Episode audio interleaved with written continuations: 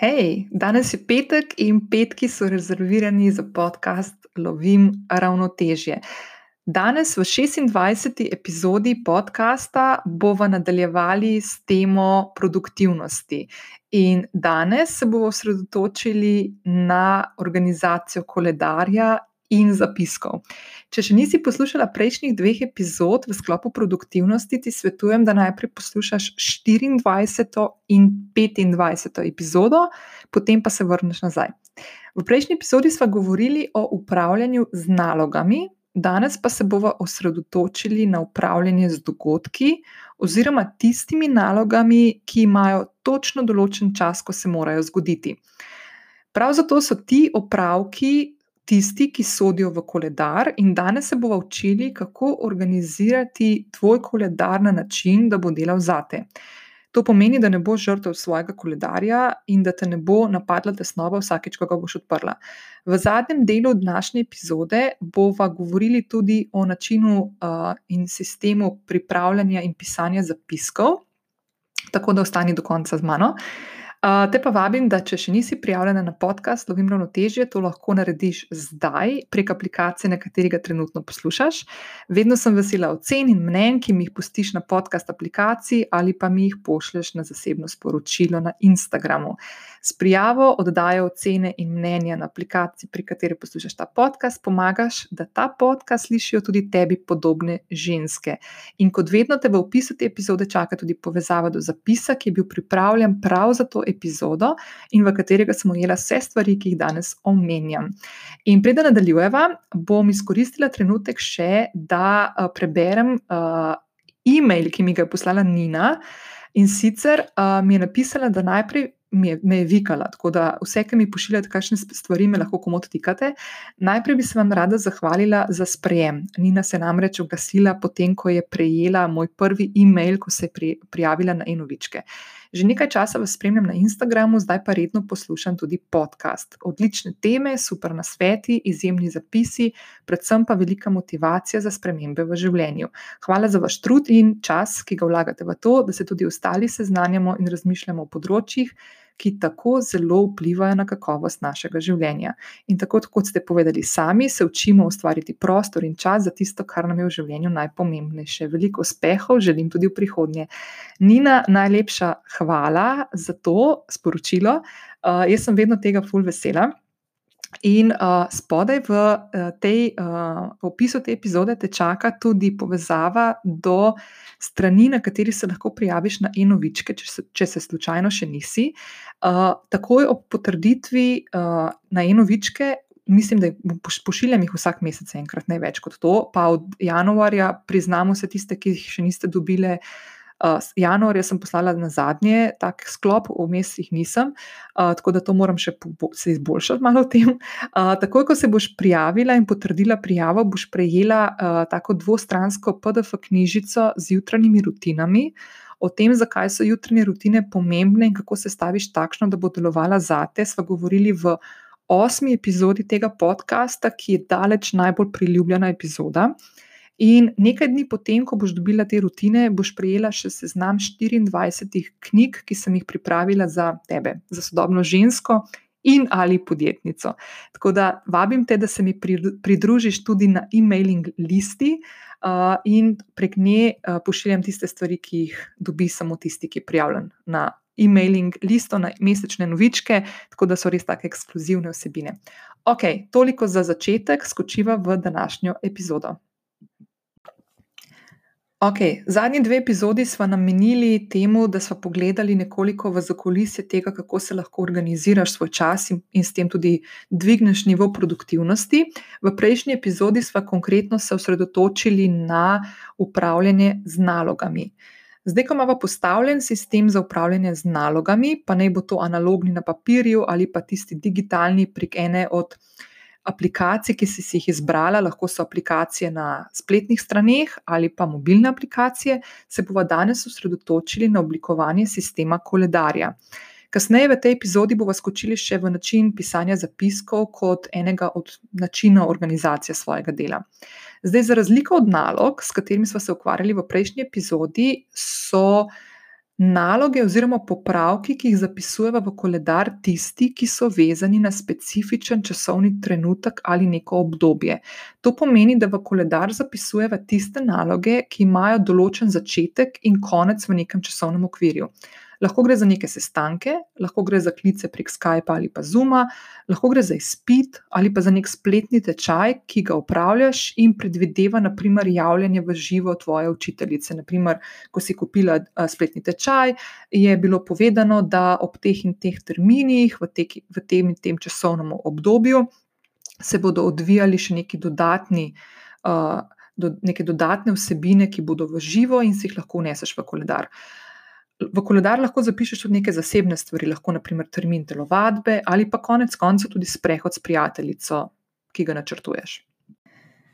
Podobno kot pri upravljanju z nalogami, tudi pri upravljanju koledarja je fino imeti nekaj pravil, ki ti bodo pomagala, da si boš tak svoj koledar res organizirala na način, ki bo pregleden in ki bo deloval tebi v prid. Ko se lotevaš organizacije svojega časa, najprej poglej v tiste naloge ali upravke, ki so vezane na specifičen čas. Naprimer, poglej v svoj koledar, uh, na to pa v svoj sistem za upravljanje z nalogami. Kaj to pomeni? Ko se boš, naprimer, lotevala nekega, um, neke liste stvari, ki jih moraš upraviti v ponedeljek, naprimer, najprej poglej v koledar, katere so tiste stvari, ki so že v navednicah zacementirane v nek časovni okvir. In ko boš imela te stvari pripravljene in pregled nad njimi, poglej, katere so tiste naloge, ki jih imaš zapisane vem, v Asani ali pa, na, ali pa v svojem rokovniku, uh, ki jih moraš tudi opraviti v ponedeljek ali pa do ponedeljka. Tako boš vedno v koraku s svojimi časovno vezanimi upravki in nalogami, ki te čakajo, da jih obkljukaš. In na ta način boš vedno znala tudi postaviti prioritete in imeti nek pregled nad svojim časom. Zdaj, naprimer, moj način dela se verjetno razlikuje od tvojega. Jaz zadnjih deset let delam v nekem svojem tempu in si večinoma sama odrejam čas in si sama določam roke oddaj, oziroma dokdaj moram opraviti določene naloge. Zato je moj koledar gotovo precej drugačen od tvojega. Če delaš, naprimer, v nekem podjetju, kjer mora biti tvoj koledar usklajen tudi z drugimi sodelavci in sodelavkami ali pa nadrejenimi. Uh, Kljub temu imam zate na svet, da kako lahko kar se da optimalno organiziraš svoj čas in koledar. V svojem koledarju najprej preveri, kdaj imaš na voljo daljše proste termine in tiste termine posveti delu, ki od tebe zahteva več miselnega napora. Kaj to pomeni? Naprimer, če imaš v ponedeljek ob 9. zjutraj predviden enourni sestanek, na to pa šele ob 3. popoldan drugega, je vmes veliko časa, ko lahko ki ga lahko nameniš za tiste stvari, ki od tebe zahtevajo neke tehtne, globje premisleke. To je lahko, naprimer, kakšno načrtovanje, lahko gre za pripravo nekih kreativnih vsebin, za pisanje strategije, lahko je to učenje. Tista obdobja v koledarju, ki so časovno daljša, uh, nameni za te stvari, ki od tebe. Ki, ki, ki od tebe zahtevajo, da se jih res miselno lotiš. Se pravi, najprej boš zahtevali nekaj časa, da se boš uh, osredotočila na njih, in potem, ko boš enkrat osredotočena na to, je fino, da imaš več časa, da se pos resnično posvetiš tej, tej nalogi oziroma upravku. Za tiste obdobje v koledarju, ki so časovno krajša, naprimer, da imaš vem, v ponedeljek od 9 do 10 imaš en sestanek, in potem imaš od 11 do 12 še enega, in vmes imaš eno uro časa. Ta del lahko nameniš kakšnim stvarem in opravkom, kot so naprimer neke administrativne stvari. Lahko gre za neke krajše naloge, lahko gre za tiste mini naloge, o katerih smo že prejšnji, v prejšnji epizodi govorili, ki zahtevajo dve, tri minute. Vsaka in, naprimer, lahko te mini naloge takrat narediš, ker od tebe ne zahtevajo nekega pretiranega miselnega napora in jih lahko hitro opraviš. Torej, daljša obdobja izkoristi za pomembnejše strateške oblike tvojega dela, krajša pa za neke hitre, administrativne, hipne opravke, ki od tebe ne zahtevajo pretiranega miselnega napora. Zdaj, zakaj sem začela s to tematiko, preden greva bolj operativno na to, kako lahko oblikuješ nek sistem svojega koledarja? Zato, ker se mi zdi blazno pomembno, da se naučiš. Uh, naučiš razmišljanja v teh uh, sklopih. Temu v angleščini rečejo time batching. Tako da, če boš slučajno skočila na Google in tipkala time batching, boš našla en kup enih člankov na to temo. To pomeni, da v bistvu svoj čas ali pa svoj dan ali pa svoj teden razdeliš na različna časovna obdobja, ki ti dopuščajo ena daljša, se pravi, nek premislek, neko strateško razmišljanje, in tista krajša, ki so primerna za neke krajše opravke. To je blazno pomembno tudi zato, ker uh, je fino, da lahko pri sebi ugotoviš, če ti to, seveda, tvoje delovno okolje to omogoča. Tiste, ki ste zaposleni v kakšnih podjetjih, kjer se nimate toliko uh, prostora za to, da se same določate, kako se želite organizirati, tam je mečkan drugače to. Ampak, okolikor vidiš, da pri svojem delovnem procesu imaš to svobodo, da si določaš nek čas daljši, ki ti bo uh, prišel prav, ko se boš lotevala nekih strateških premislekov, je fino razmišljati na način, ali lahko ta, ta čas daljšam. Se pravi, naprimer, ali je možno, da naprimer, uh, en dan v tednu namenim za sestanke, in ostale dneve imam odprte za te širše tematske stvari, ko moram res razmišljati, ko se moram lotevati, ne vem, pripravljati strategijo ali pa naprimer. Um, Naprimer, moram posodobiti nek, nek Excel uh, dokument, in vem, da moram biti z mislimi res zelo osredotočena na to, da ne bom naredila kakšne napake in kakšne številke na robe zapisala, ker se mi lahko cel sistem poruši. Tako da zato omenjam ta time batching oziroma te, te sklope, zdaj takoj na začetku, preden se lotiva, bom rekla po domače, barvanja tvojega koledarja. Zdaj, eden od krasnih načinov organizacije koledarja so različni segmenti tvojega življenja, ki smo jih že prejšnjič, ko smo se pogovarjali o upravljanju z nalogami, nekako omenili. In vsak tak segment svojega življenja lahko obarvaš v posamezne barve. Naprimer, lahko gre za upravke, ki so povezani z delom, Eh, lahko gre za zasebno življenje, lahko gre za naprimer, plačevanje računov, lahko gre za kakšen pregled pri zdravniku, plačevanje prispevkov, če si samostojna podjetnica, morda izpit ali pa načrtovanje počitnic. Vsako to področje naj ima svojo barvo. Zdaj, če smo zelo iskreni, se lahko s temi barvami fuligraš. Jaz, na primer, konkretno uporabljam, ker, de, ker delam na, uh, na MacBooku, uporabljam iCal aplikacijo, Macintoshovo.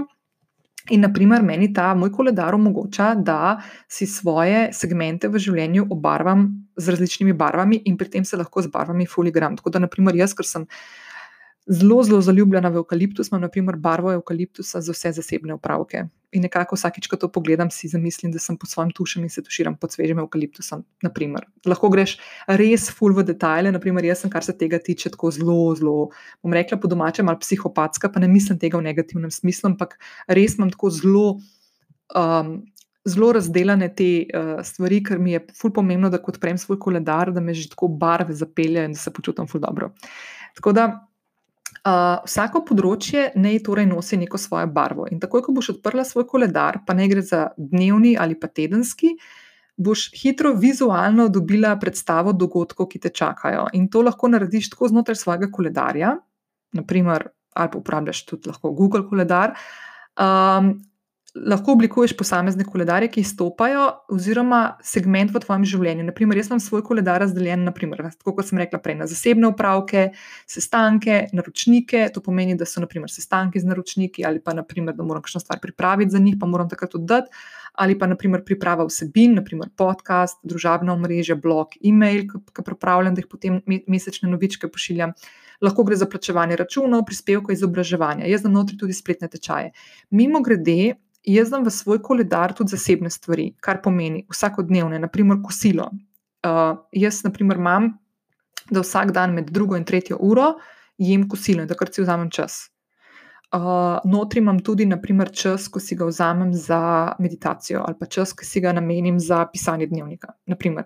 Jaz imam res ta moj koledar blazno, blazno razdeljen. Zdaj, še ena prednost takšnega načina oblikovanja koledarja je, da lahko odkljukaš določene segmente in vidiš samo tiste, ki jih želiš v nekem trenutku videti. Naprimer, lahko uh, rečeš, da bi želela videti samo vse sestanke v tem prihajajočem tednu, in odkljukaš vse ostale stvari, tako da vidiš, kako te sestanki izgledajo, kje se nahajajo. To so naprimer te točno določene stvari, zacementirane v tvojem koledarju, in to informacijo lahko potem uporabiš za načrtovanje vseh ostalih aktivnosti v tednu, zato ker boš enostavno lahko videla. kdaj lahko nameniš nek čas določeni stvari. Prej smo govorili o tem, da daljša obdobja lahko nameniš za tiste bolj strateške, premiš, pre, premislen, premišljene stvari in tiste krajše za neke mini taske. Tako da lahko.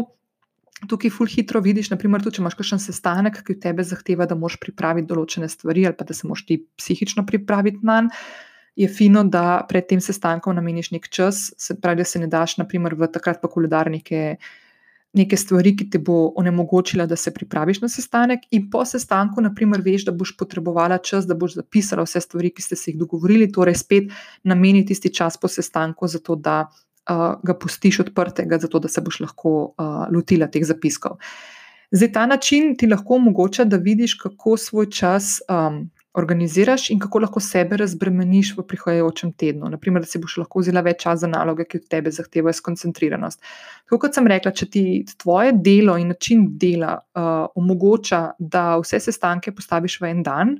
In ostale dneve nimaš sestankov in jih nameniš za druge stvari, je to krasno. Če tega ne moreš, verjamem, da velika večina vas tega ne more narediti, potem je to um, potem tega ne početi. Če si iskreno, jaz se, tega, jaz se to zelo trudim narediti in je tudi pri meni težko, zato ker delam z naročniki, ki imajo tudi svoje načine dela in se jim moram, do, do, dosti krat se je treba pač tukaj prilagoditi. Tako da ne boste mislili, da zdaj pa jaz lahko to kar sama uh, po, po, po, uh, pripravljam. Ampak fino je imeti v mislih, kako narediti nekako te ključne stvari.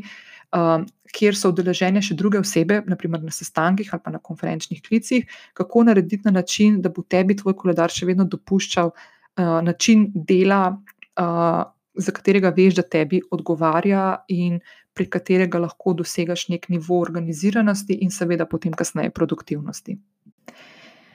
Kako lahko ene dogodke vneseš v koledar, ki se odvijajo na neki redni ravni. Naprimer, če imaš vsak teden ob ponedeljkih ob desetih nek tedenski briefing s svojo ekipo, lahko pri vnosu uporabiš možnost zapisa vsak teden ob tem času. Tako da bo, naprimer, tvoj koledar, se pravi, to lahko delaš v digitalnem okolju, ne analognem, ne, lahko ob vnosu te, uh, tega dogodka izbereš, da se ponavlja vsak teden do nek nekega končnega termina, če ga imaš, naprimer, do konca leta.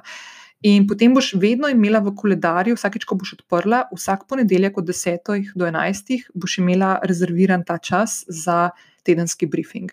Uh, zdaj uh, lahko vneseš tudi opomnik, se pravi, vem, pet minut prej ali pa naprimer eno uro prej, če slučajno se zgodi, da imaš te tedenske briefinge v živo in niso na tvoji lokaciji in ti potrebuješ naprimer pol ure do tja, je fino, da si pač vključiš tudi neko pot oziroma čas, ki ga nameniš za potovanje v navednicah do tiste destinacije. Tako da opomniki delujejo na vseh digitalnih koledarjih, žal ne na analognih, tako da če uporabljaš rokovnik, bo tukaj previdna.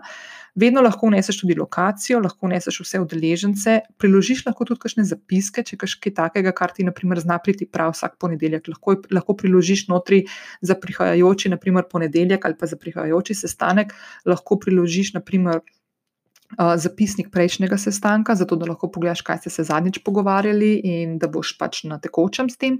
V koledar vedno lahko upišeš tudi malce kosilo. Jaz, jaz ta del res ful priporočam, tako, zato ker vem, kako je, ko enkrat padeš v delo in pozabiš na določene stvari, in je treba tudi za take stvari si vzeti čas. Tako da vse, kaj moraš narediti, je, da zbereš nek sistem, spet lahko je digitalni ali pa analogni, in da začneš graditi te segmente. Najprej se pravi segmente tvojega dela in zasebnega življenja, v kateri potem postopoma dodajaš dogodke, ki sodijo v določen segment. Obarvaj si te segmente v svoje najljubše barve ali pa tiste barve, ki so ti pač.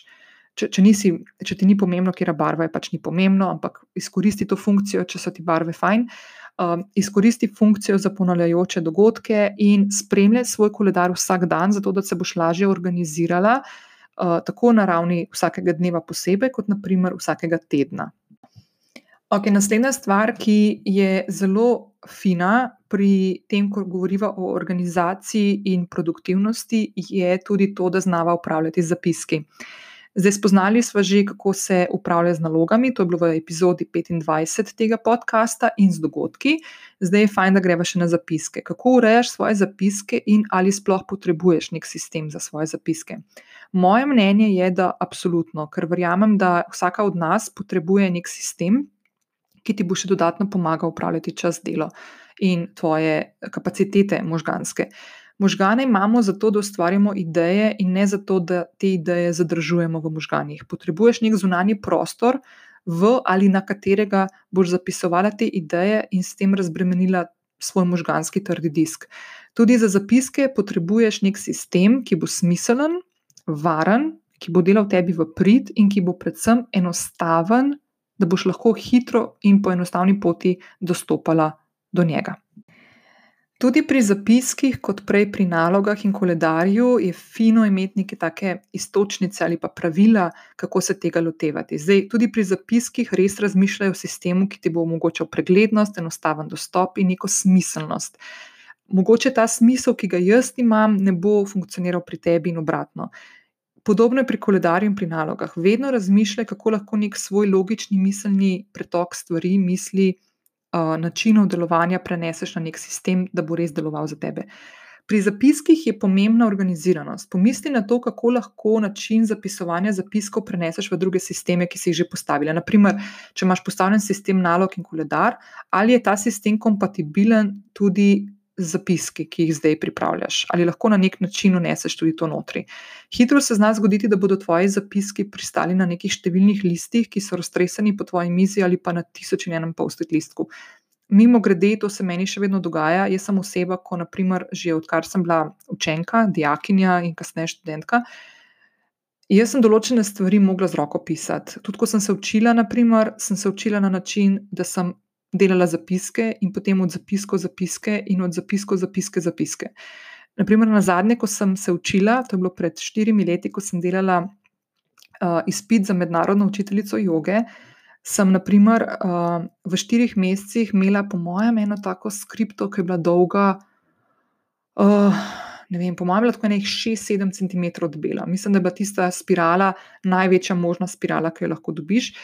In ko sem se jaz učila za izpit, ki je bil dolg, mislim, da tri ure, precej kompleksen je bil. Ko sem se učila za ta izpit, sem si delala zapiske od teh zapiskov in zapiske od teh zapiskov, zapiske. Na koncu sem prišla do tega, da sem imela na desetih straneh vso snov zabeleženo, ki sem jo naredila v štirih mesecih. Um, nekak, na tak način sem se jaz vedno tega učila. Ampak zanima, ne, ne govoriva zdaj o učenju, govoriva o nekih zapiskih, tih, ki jih ti pripravljaš, naprimer, ko si na sestanku, ko si naprimer, na nekem klicu in si zraven zapisuješ stvari. Pri urejanju svojih zapiskov se lahko spet tega lotiš na digitalni ali pa na analogni način zapisovanja. In pri digitalnem je en krasen način uporaba, uporaba aplikacije Evernote ali pa Notion. Uh, lahko uh, gre tudi za mobilno aplikacijo, naprimer nekih notes zapiskov na tvojem telefonu. Naprimer, jaz, ki imam iPhone, uporabljam notes aplikacijo za pripravo takih stvari. Uh, Postavljanje sistema zapiskov je precej podobno pripravi sistema koledarja, in tudi tukaj je fino, da greš po segmentih. Se pravi, tiste stvari, ki uh, pašejo v neko je, vedro, rečemo, naprimer delo, osebno, šola, če si študentka. Oblikuješ lahko tudi nek arhiv za pretekle zapiske, ki jih želiš obdržati, ker ti znajo v prihodnosti priti prav. Uh, lahko gre naprimer za kakšne tekoče projekte, ki je fino, da jih imaš ločene, da boš imela hitro dostop do njih.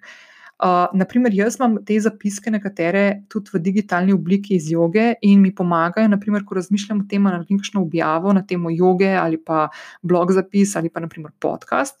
Uh, je fino, zato ker lahko hitro skočim v neke zapiske in rečem, ah, mogoče pa ta tema bi bila zanimiva. Ne? Tako da je to vedno fino uh, nekako uh, imeti pri roki. Jaz v tem delu uporabljam, ko govorim o zapiskih, uporabljam preplet digitalnih in analognih tehnik. Naprimer, pod notes na iPhonu si zapisujem ideje za objave ali pa teme za podcast in blog ali pa za kakšno vsebino, ki bi jo dala v e-novice. In večino stvari, ki jih delam, naprimer spletni tečaj, ki sem si jih kupila in jih upravljam, ali pa razmišljanja, ideje za prihajajoče vsebine za e-knjige in moj spletni tečaj, ki ga pripravljam, zapisujem v zvezke. In jaz sem um, fenica, oboževalka Moleskina. Jaz tudi imam, naprimer, rokovnik, uh, letni rokovnik uh, Moleskin, ki ga imam vedno ob sebi, in imam tudi zvezke, v katere pišem določene stvari. Naprimer, tako imam zvezek za e-knjige, potem imam en zvezek za spletni tečaj, potem imam en zvezek, ki je brainstorming zvezek, ki nima nobenih črt in vančičkam, neke miselne tokove in vzorce. Stvari, ki mi padajo na pamet, in um, jim nekako dovolim prostor in čas, da se razvijajo na neki taki, v navednicah, platformi, kot je ta konkreten brainstorming zvezek. Zdaj, če uporabljaš nek tak digitalni sistem, kot je Evernote ali pa Notion, lahko van copy-pastaš tudi, naprimer, ideje spletnih mest ali pa e-mailov. Naprimer, Reciva, čeprav zdaj ne vem, kako bo to aktualno v tem času, ker ne vemo, kaj se bo odvijalo um, v letošnjem letu, kar se tiče počitnic in potovanj. Ampak, naprimer, rečva, da načrtujeva skok v Lizbono. In uh, lahko v enega od teh zapiskov vključiš vse stvari iz vseh različnih kanalov, ki si jih dobila o Lizboni. Naprimer, lahko daš notri vse informacije o rezervaciji hotela ali pa Airbnb-ja, lahko daš notri rezervacijo letalske karte, vneseš kakšne kode, ki jih moraš vem, vedeti in imeti pri roki, poleg uh, tiste elektronske karte. Lahko vneseš, naprimer, uh, e-mail, ki si ga dobila od prijateljice, ga copy-pastaš noter, ki ti je povedala, kaj je fajn obiskati v Lizboni. Lahko daš notri li, uh, linke do restauracij ali pa muzejev ali pa naprimer kakšnih galerij, parkov, ki jih hočeš obiskati. Ali pa naprimer če, si, če, če bi rada šla na kakšne take točke v Lizboni, uh, ki si jih videla na Instagramu, lahko vneseš notri mapo. V glavnem, en kup enih stvari lahko vneseš notri v tak zapis, uh, zapisek, uh, ki ti lahko pridejo prav v nekem trenutku. Zdaj, v tak sistem lahko upisuješ tudi, naprimer, navodila za bližnjice, za kakšne aplikacije, ki jih uporabljaš redno, ampak ne. Tako zelo redno in tako zelo profesionalno in strokovno, da bi si jih znala zapomniti. Naprimer, naučila si se neke nove stvari v Photoshopu in lahko narediš neko pot, kako do tega prideš in si napišeš v nek zapisnik. Naprimer. Jaz, na primer, imam. Uh, celotno upravljanje svoje, moje spletne strani, ki mi jo je uh, pripravila uh, Maša, ko mi je postavila spletno stran pred dvema letoma, imam naprimer v svojih zapiskih. Naprimer, tako hitro lahko pridem do neke informacije, kako zamenjam neko fotografijo na vstopni strani, uh, kar sicer ne delam vsak teden, naprimer, in vmes pozabim in razbremenim svoje misli uh, s temi informacijami. Skratka, tudi tukaj velja, da zbereš nek način, ki deluje tebi v prid. Lahko so te stvari tudi v Wordu dokumentu. Izberi tisti logični način, za katerega veš, da bo deloval tvojemu načinu razmišljanja in nekemu miselnemu toku, ki, um, s katerim ti upravljaš. To velja predvsem uh, v prvem koraku, ko določaš neko ime zapiska, prostor, kamor ga boš shranila. Enako velja tudi za koledar, o katerem smo danes govorili, enako velja tudi za naloge, o katerih smo govorili v 25. epizodi podcasta. Vedno mej v mislih, kako boš naredila nek sistem, ki bo tebi funkcioniral. Tudi vse te aplikacije, ki sem jih omenila, ni nujno, da so aplikacije, ki bodo tebi funkcionirale. Uh, ali pa mogoče imaš ti kakšno svojo, tako da je fino, da pač res uporabljaš tisto, kar tebe razbremeni in ti pomaga, da si pri svojem delu uh, učinkovitejša uh, in predvsem produktivnejša. Kar pomeni še enkrat, če se vrnemo k tisti misli.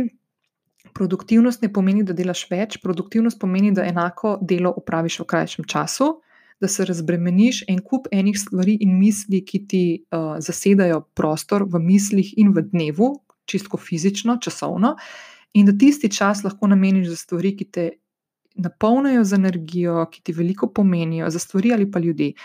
Uh, vedno, ko me nekdo vpraša, um, kako, kaj, kaj je point tega lovljenja ravnotežja, točno tukaj. Ne?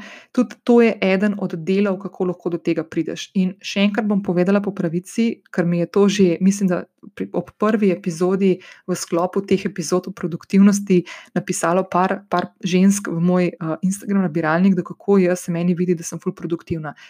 Ja, in ne. Jaz vem, da je tukaj še ogromno stvari, ki jih lahko tudi jaz naredim. Tudi ko sem se pripravljala za te epizode in za prihajajoče, ki bodo prišle uh, uh, še, imam še, še v načrtu še nekaj epizod na to temo uh, objaviti. Tudi meni so koristne te informacije, ki jih tukaj podajam tebi. Uh, tudi meni je bilo fino, da sem osvežila določene stvari. Uh, konkretno, naprimer, sem začela spet uporabljati Asana pro, uh, program, ki sem ga vmes um, nekako postavila uh, na stranski tir. Uh, in um, mi sem ugotovila, da so določene stvari, ki jih prej nisem počela, in bi bilo fino, da jih upeljem notri v svoj način uh, dnevnega delovanja, rečemo temu. Uh, tako da tudi tukaj je vedno prostor za neke izboljšave, tudi tukaj je vedno prostor za neke posodobitve, prilagoditve, in predvsem, še enkrat, res ful pomembno je, da najdeš način, ki bo tebi funkcioniral, ki bo tebi deloval um, in ti omogoča vse tiste stvari, o katerih zdaj govorimo, da boš imela čas potem za druge stvari, za ljudi, ki jih imaš rada, da boš svoj čas, svojo energijo namenjala tudi drugim stvarem v življenju. Tako da toliko za danes. Jaz te še enkrat vabim, da če se še nisi prijavila na ta podcast, to lahko narediš zdaj prek aplikacije, na kateri ga trenutno poslušaš. Lahko daš svoje mnenje in oceno, če še nisi. Lahko se prijaviš na eno vičke, spodaj te čaka v opisu te epizode povezava do tega, če, če se še nisi prijavila. In uh, nič, toliko za danes, se slišiva prihodnji teden. Mislim, da bom tudi prihodnji teden objavila še nekaj iz tega sklopa produktivnosti, potem pa počasi še kakšno drugo temo. Tako da lepo bodi, krasen dan ti želim in se slišiva naslednji petek. Čau, čau!